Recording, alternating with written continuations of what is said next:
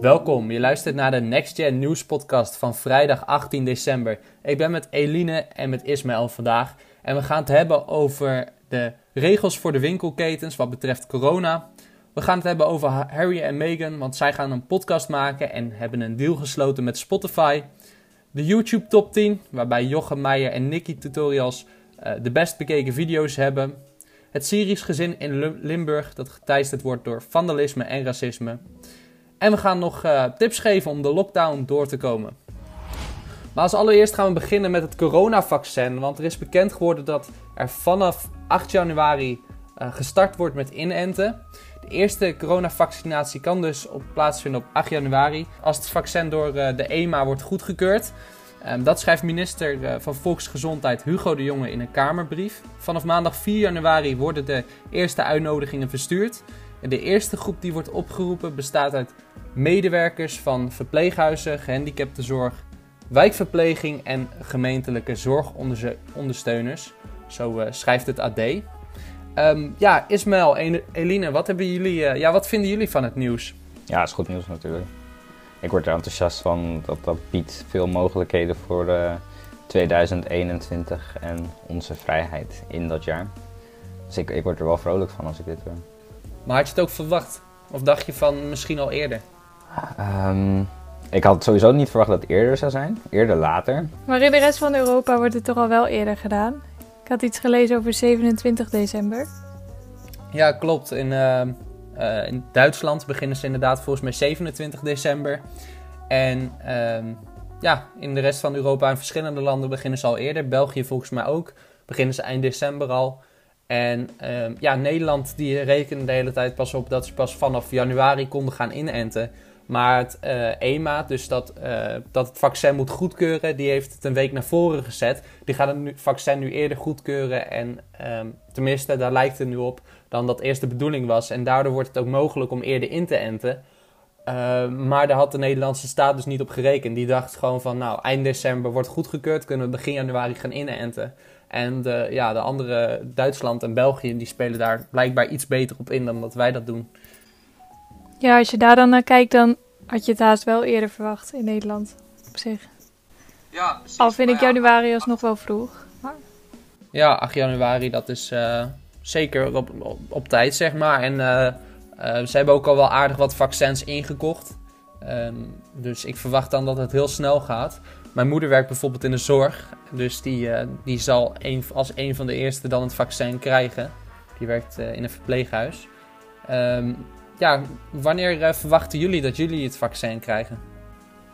Ik denk dat dat nog wel heel lang duurt. Ja, ja, ja eerst de zorg natuurlijk. Dus, ja, en want jullie horen natuurlijk niet bij de kwetsbare groep, zijn nog jong. Dus ja. misschien dat dat wel uh, pas in de zomer gaat zijn. Want het is natuurlijk wel zo dat we niet meteen de hele bevolking kunnen inenten. Dus het zal nog inderdaad wel even duren voordat uh, alles weer terug naar normaal is. Maar dat, is, dat weten we al. Ja, weten jullie hoeveel doses er eigenlijk ongeveer zijn ingekocht door Nederland? Want uh, ja, ik las allerlei verschillende aantallen. Zoveel van Pfizer, zoveel van AstraZeneca. Um, ja, weten jullie hoeveel uh, doses er zijn ongeveer? Ik heb heel eerlijk gezegd geen idee. Want ja, dan, dan zou je het misschien een klein beetje kunnen berekenen van, uh, van, van wanneer je ingeënt zou worden. Ik las wel dat begin januari dat er dan uh, al 500.000 of ja, 500.000 uh, vaccins volgens mij zijn. Dus dat zijn natuurlijk al wel een hoop. Maar ja, dat betekent dat 1 op de 34 dan ingeënt zou worden. En ja, dat is nog niet het, zal, het, het, het, het, zal wel, het zal wel wat helpen. Maar uh, ja, het is in ieder geval een begin. Ja, inderdaad.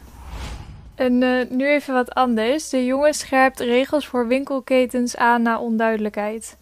De niet-essentiële winkels moesten na de persconferentie van maandag de deuren sluiten.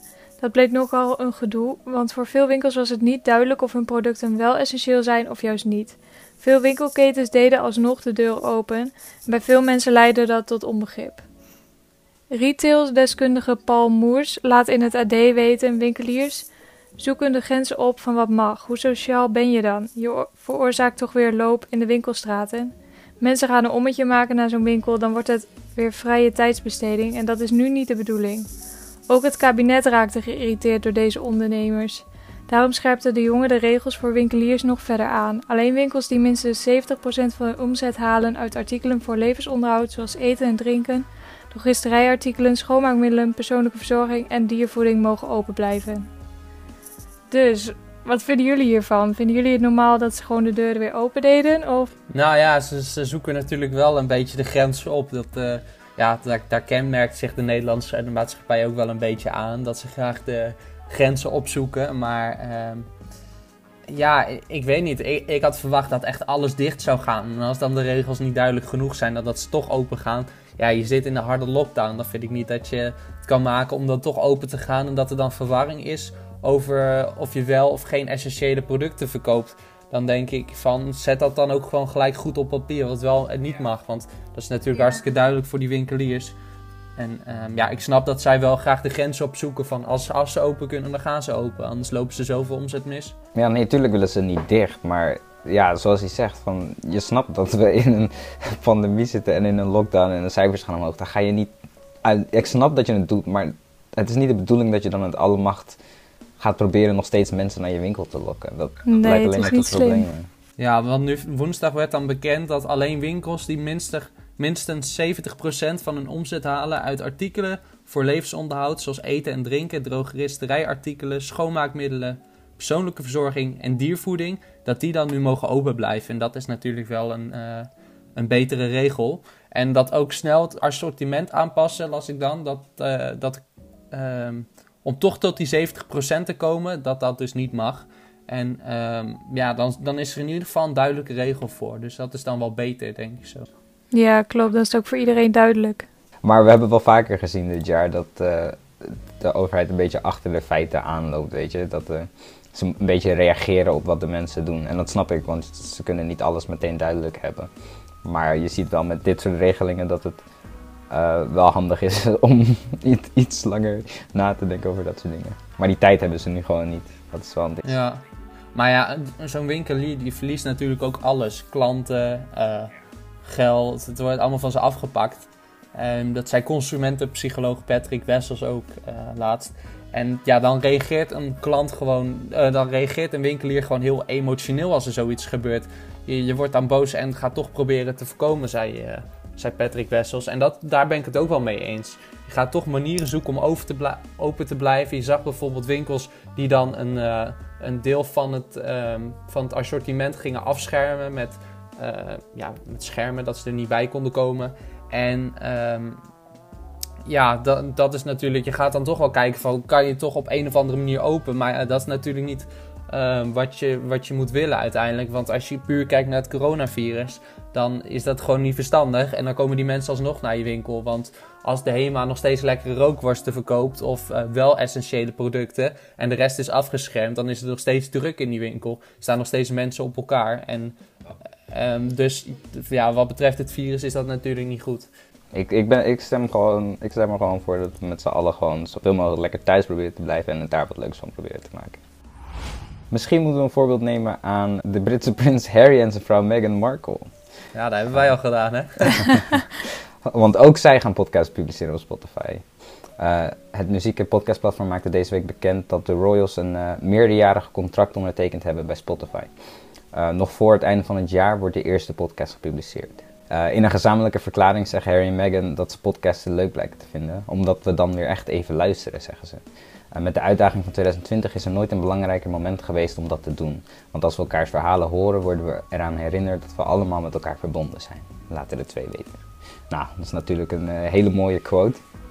Um, en ja, ik bedoel, we kunnen hier niet echt niet achter staan, aangezien wij, zoals je zegt, Jesse, precies hetzelfde doen.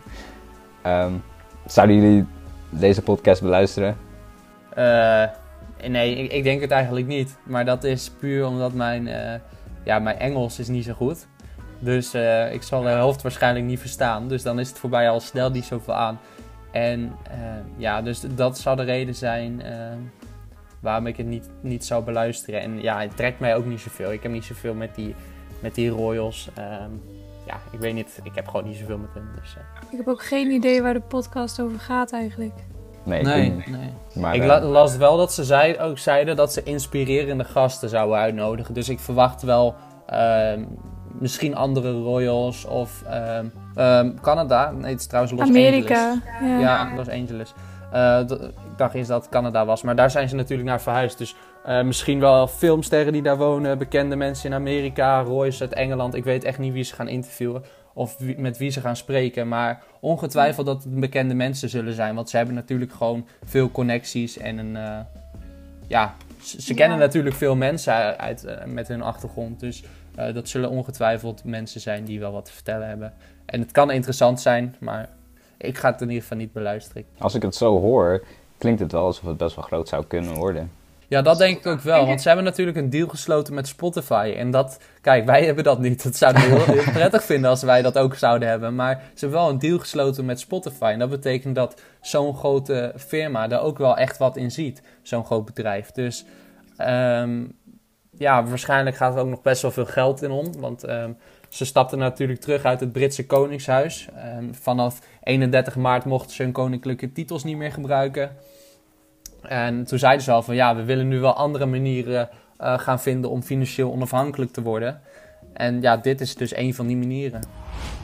De YouTube top 10 is naar buiten gebracht. Jochem Meijer en Nicky Tutorials hebben de best bekeken video's. In dit sombere jaar hadden we allemaal behoefte aan een beetje humor. Hierom is het natuurlijk ook geen verrassing dat de video Bonaire meneer van Jochem Meijer het meest bekeken is. Op de tweede plek staat de coming out video van Nicky Tutorials. Hierin vertelt zij dat ze transgender is. Ook in veel andere landen staat de video van haar in de top 10. Bijzonder is de video die op nummer 3 staat, de video van meneer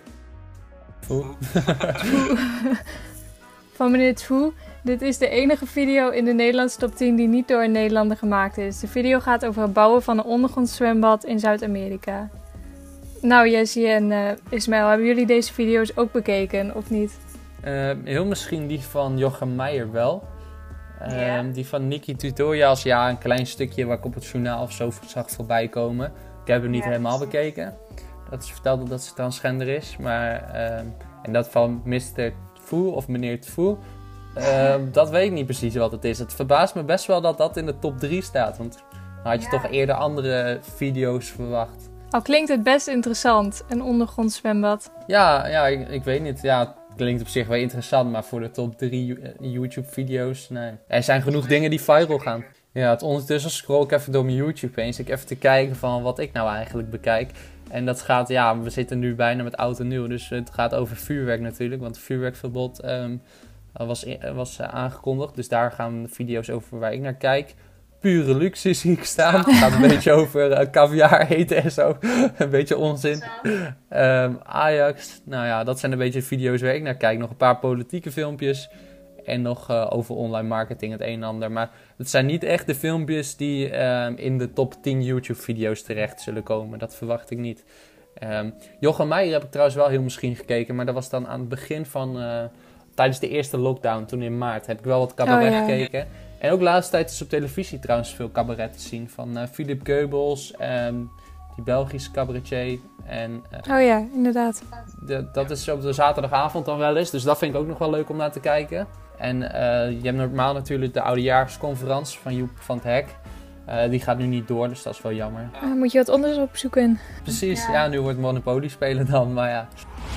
Nou, en dan eh, heel ander nieuws. Best wel triest nieuws eigenlijk. Want een Syrisch gezin in Limburgs Heerlen is slachtoffer van vandalisme en racisme. Syrisch vluchtelingengezin uit Heerlen wordt al maanden geterroriseerd en moet zelfs onderduiken. Instanties zouden weigeren in te grijpen. Op Instagram cirkelen filmpjes rond waarop te zien is dat het gezin in eigen huis wordt aangevallen door jongeren die onder meer stokken en messen met zich meedragen. Ook is op een filmpje te zien dat er een molotovcocktail in de tuin wordt gegooid. Ik ben, ik ben de oorlog in Syrië ontvlucht en be- ben vervolgens eh, naar Nederland gekomen. Ik heb een huis gekregen en na acht maanden kwam er iemand naast mij wonen. Na een week begon hij ons te beschuldigen van terrorisme. Hij begon de kinderen uit te schelden. Hij begon zijn hond op mijn kinderen en vrouw af te sturen en zette de buren tegen ons op, vertelt Mohammed Saka, de vader van, de, eh, van het gezin. Bij het bericht op Instagram staat het volgende. Het doel van deze video is aandacht vragen voor de zaak, in de hoop dat de plaatselijke autoriteiten werk gaan maken van het probleem. En eh, ja, Ismaël en Eline, wat hebben jullie eh, ja, hiervan meegekregen? Hebben jullie dit filmpje gezien? Nee, volgens mij. Ja, ik heb één filmpje gezien met een voordeur. Dat iemand naar binnen wilde komen. Ja, ja. Vond ik wel, ja, het was wel heftig om te zien trouwens. Ja, en dat die brandbommen werden gegooid, of molotovcocktails, ik weet niet wat waren, in die tuin van de Syrische vluchtelingen. Ja, het is heel heftig om te zien natuurlijk, maar ik vraag me ook af van, ehm, wat is de andere kant van het verhaal? Yesim Kandan, col- columnist van het RTL Nieuws, die eh, heeft zich er ook in verdiept, in de andere kant van het verhaal. En zij schrijft, dan is er nog de andere kant van het verhaal. De lokale basisschool zou een gebiedsverbod hebben geëist tegen de vader van het Syrische vluchtelingengezin, omdat hij de spelende kinderen op het schoolplein aan het filmen was, terwijl zijn eigen dochter, die ook naar deze basisschool gaat, op dat moment geen pauze had. Ook zouden de vader en de zoon des huizes vrouwen en meisjes in de buurt onheus seksueel hebben bejegend. Dus als dat het geval is, ja, dan is het natuurlijk eh, van twee kanten verkeerd. Dan is het niet alleen die buurman. Al vind ik wel een beetje heftig dat je dan een hond naar, ja, naar de vrouwen en kinderen stuurt. Want die hebben er in principe niks mee te maken. Ja, maar ik kan me wel voorstellen, ik weet dan niet hoe het met die buurman verder zit of die kinderen heeft. Maar stel je eigen kind zou seksueel bejegend worden door je eigen buurman. Ik, zou wel, ik kan me wel voorstellen dat je dan flink tekeer kan gaan. Het is sowieso lastig met dit soort situaties dat je, dat je af moet gaan van wat mensen hebben gezegd, weet je wel. Aan de ene kant zegt iemand van ik word zomaar aangevallen en ik word terrorist genoemd en hij stuurt een hond op me af. Daar zijn video's van, dus dat, dat kunnen we bevestigen. Ehm, die andere kant van het verhaal, ik, ik- inderdaad zoals je zegt, ik, ik bedoel, ik weet ook niet of ik eh me cool zou houden als iemand zoiets met mijn kinderen zou doen. Nee, maar het gaat wel heel ver nu. Maar het is wel, we moeten wel bij vermelden, daar is natuurlijk nog geen bewijs van. Precies. En dat, dat zijn wel geruchten. En ongetwijfeld dat er ook iets aan de hand is. Eh, dat, die, dat die vluchtelingen zelf ook iets hebben gedaan wat echt niet door de beugel kan. Ja, maar ik denk dat dat, ik kan me voorstellen dat dat ook misschien een dingetje is in cultuurverschil, weet je, dat sommige dingen die in bepaalde landen als normaal gezien worden of gewoon oké, dat dat hier in Nederland niet oké is. Nee, precies. Maar ja, dus eh, ja, dat is allemaal een beetje natuurlijk eh, speculeren. Je weet natuurlijk niet het hele verhaal. En dat is voor, voor journalisten, voor mensen die het over hebben in podcast, is het altijd gewoon lastig om dan eh, zoiets te bespreken. En ja, je kan blijven zeggen dat het slecht is, dat het fout is. Maar ehm, ik kan wel in ieder geval zeggen, stel ik zou kinderen hebben en iemand zou eh, seksueel getinte opmerkingen er naar maken, dat ik dan ook wel echt flink woest zou worden. En dan hebben we nog eh, ja, tips om de lockdown door te komen. En ja, de lockdown is natuurlijk een saaie periode waarin we niet veel kunnen doen. En daarom hebben we een lijstje met tips voor jullie. Ook omdat, het, eh, ja, omdat de kerstvakantie zo meteen komt. Je zit thuis, weinig te doen. En we hebben in totaal wel 7 tips. En die gaan we even kort toelichten zo meteen. Nou, als eerste Netflix tips. Die zou eh, Ismaël even verder toelichten. Een aantal leuke films. Ik heb er een heleboel gezien, maar ehm, we hebben deze, deze lijst hebben we samen opgesteld. Dus ik, ik, ik moet eerlijk zeggen, ik heb niet alles op deze lijst gezien. Peaky Blinders heb, ben ik begonnen. Ehm, en ik durf, ik durf te zeggen dat het een geweldige serie is. Daar, daar, maar ik kom er niet in weg. Maar misschien, eh, ik zou hem zeker proberen als je benieuwd bent naar een nieuwe film of serie. Eh, Split is een film, is een vervolg op ehm, de film, oh welke film was het? Unbroken denk ik. Of Unbreakable. Unbreakable van M. Night Shyamalan.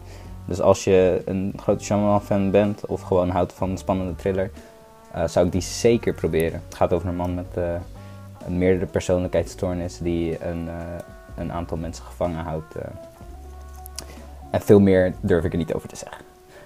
Eh The Queen's Gambit zullen heel veel mensen, denk ik, onlangs al gezien hebben. Die was een tijdje heel populair.